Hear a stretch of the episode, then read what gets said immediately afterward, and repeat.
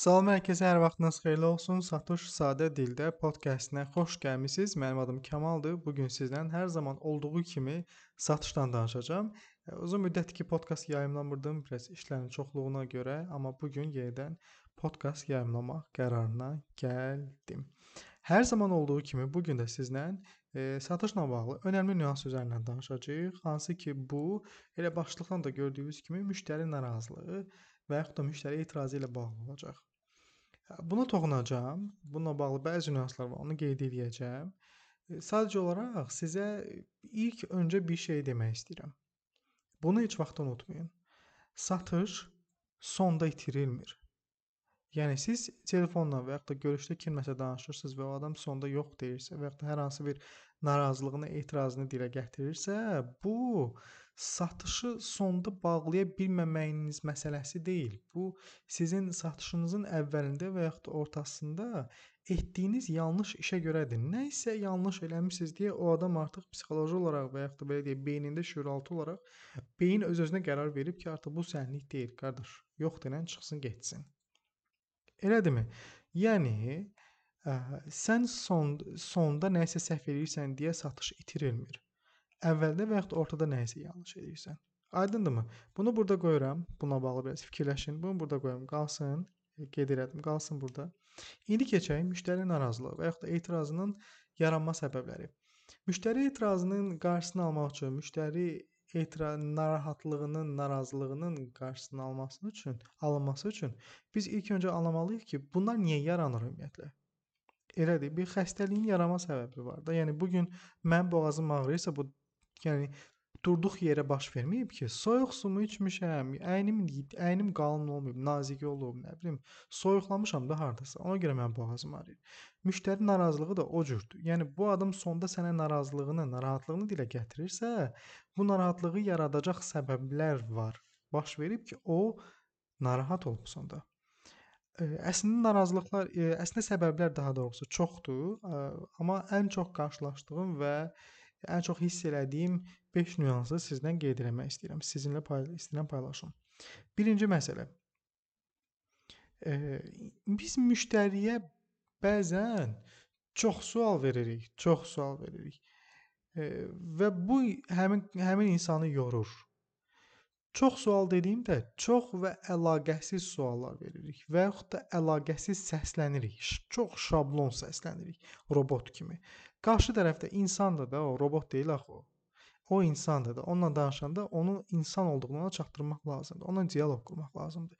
Çoxumuz sualları şablon şəkildə, mən ona çox vaxt təlimlərdə istintaq modu deyirəm. Yəni sanki ondan nə isə araşdırırsan, e, yəni qarşıva cinayətkarı qoyub sorğu-sual edirsən də, sualdan suala elə tez-tez keçid edirsən, adam da bunu hiss edir ki, yəni bu çox sünidir sualların bir-biri ilə demək olar ki, çox az əlaqəsi var. Yorulur, axırda deyir ki, qardaş mənə qiyməti deyin, məni yormayın da. Bax bu çox və bir-biri ilə heç və yaxud da az əlaqəsi olan suallar verməkdən baş verir. İkinci nüans. Biz qarşı tərəflə danışırıq. Kommunikasiya qururuq. O da bizlə danışır da, dialoq yaranır. Elədirmi? Ümid edirəm ki, dialoq yaradırsınız. Bu monoloq olmur. O bizə nəsə deyir, biz onu eşitdiyimizi ona göstərmirik. Adam hər hansı bir problemi dilə gətirir və yaxud da sualımıza cavab verir. Biz onu eşitdiyimizi ona göstərmirik. Sualdan suala elə addımlayırıq, keçid edirik. Aydındır. Onun fikrini təsdiqləmirik. Onun fikrini eşitdiyimizi ona göstərmirik. O adam da bilir ki, yola verirsən də. Yəni tez bu sualları verim, vərəqdə cavabları yazım, sonda qiyməti deyim, satışı yekunlaşdırmağa çalışım. Müştəri də bunu hiss edir. Bu günün alıcısı çox ağıllıdır. Yəni sizin mənim qədər, bəlkə də sizdən məndən daha çox ağıllıdır. Çünki bu adam sənə zəng, mənə zəng edib satış təlimi ilə maraqlanırsa, o adam bir 15 yerlə indi şərti olaraq deyirəm, 5-10 yerlə artıq bu qiymətlərdə maraqlanıb, içəriyi də maraqlanıb. O adam çox şey bilir artıq. Hiss eləyir, adamların danışığından artıq o özü hiss eləyib ki, satış adamları hansı tərzdə danışır. Sən də ağzını açıb ancaq sual verəndə, onu eşit eşitdiyi ona göstərməyəndə bilir ki, yəni bütün proses sünidir artıq. Yəni can dərdi zəng eləmisən ki, satışı yekunlaşdırıb məhsulu satasan. Üçüncü nüans. E, vecinsizlik göstəririk bəzən. Mən bunu daha çox bu elektron mağazalarda görürəm. Bəzən də elə e, bu e, seminar və təlim satan şirkətlərin bəzilərində görürəm ki, adamlar çox vecsiz danışırlar. Yəni ki, hə də, yəni qiymət budur müəllim, özünüz bilərsiz, istəyirsinizsə qoşula bilərsiniz, istəyirsinizsə qoşulmayın. Bütün onlar da sizdən asılıdır. Yəni səslərində o qədər vecisizlik var ki, o qədər can yandırmamaq var ki, qarşı tərəf bunu yenə də hiss eləyir. İnsanlar bunu hiss eləyəndə artıq bilirlər ki, bunu yola verirlər. Yola verildiyini də hiss eləyən insan əlbəttə ki, tez yorulur və zəngi və yaxud da görüşü yekunlaşdırmağa çalışır. Vecisizlik deyəndə Bunu səsimizdə göstəririk. Bunun antidotu olaraq bəlkə də siz fikirləşə bilərsiniz ki, yəqin ki, səmimiyyət yaratmaq lazımdır. Müştəri ilə səmimiyyət yaratmaqda problem yoxdur, amma qızıl ortanı tutmağa çalışın. Çox səmimiyyət e, sizi çox səmimiyyət də və çox səmiyyət səmimiyyətsizlik də sizi uduzduracaq. Səmimiyyətsizlik müştərinin sizlə olan dialoqunu yekunlaşdıracaq çox qısa zamanda. Adam səninlə əlaqə qurmağa çalışmayacaq, danışmayacaq e, çox səmimiyyət də quranda sənə pul ödəməyəcək vaxtında. Bu da başqa problem yaradır. Daha sonra aşırı səmimiyyət. Aşırı səmimiyyəti elə indi qeyd elədim. Aşırı səmimiyyət yaratmaq insanları çox arxayınlaşdırır. Deyirlər ki, əşi kamaldır da, ödəyərik də. Yaxınlarda bir şirkətə təlimim təlimim olmuşdu onların sistemi ilə bağlı. Getdim, yəni sistemi qurmaqda kömək elədim, komandanı yetişdirməkdə kömək eləmişdim. Adamlar mənə gəlib maaşı verəndə hiss elədim ki, bəs sıxıntıları var idi də. Qayıtdım dedim ki, hə, mən də sizin komandanızın bir hissəsiyəm, narahat olmayın, sonra ödəyərsiniz. Mən bunlara sonra deyəndə mənim ağlımda belə bir şey var idi ki, yəqin bir gün ödəməsinə 2 günü ödəyənlər də bu, maksimum 3 günə də. Bu adamlar 4 aya yaxın mənə pul ödəmədilər. Nə var, nə var? Yəni mən bunlara mehribanlıq göstərdim. Anladılar ki, Kamal e, çox böyük ehtimal ki, bu pulun arxasına qaçmayacaq Bəlkə heç onun bu pula ehtiyacı yoxdur. O cür səsləndi və s. və axır və bu adamlar ödəmədilər. Məsələ məhkəməyə qədər getdi, çıxdı.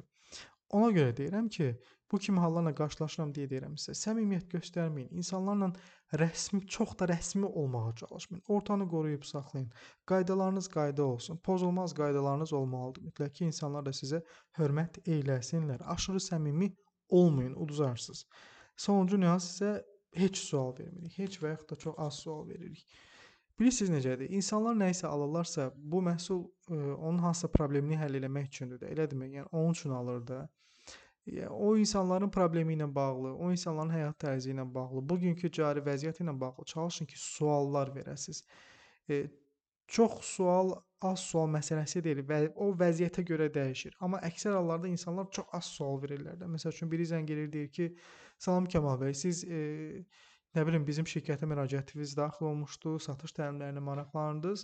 E, buyurun, necə yardımçı ola bilərəm? Adam mən deyirəm ki, hə, bəli, mən müraciətim olub proqramla və qiymətlə maraqlanıb. Adam deyir ki, bizim proqramımız 5 günlükdür, 7 günlükdür, o nə bilim 12 günlükdür, qiyməti də falan qədərdir. Qoşulmaq istəyirdinizmi? Axı sən bircə dənə sual verdin.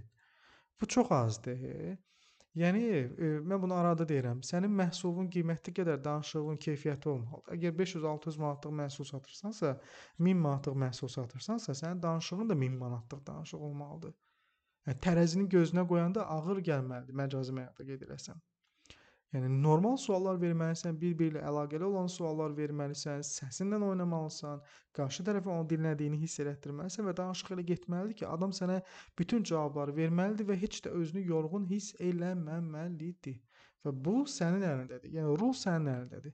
Necə idarə eləsən o yəni elə də olacaq. Elə fikirləşin ki, e, müştəri maşındır Rul da sizsiz də, yəni özünüzsüz. Sizin instrumentlərinizdir, sizin dilinizdir, sizin səsinizdir.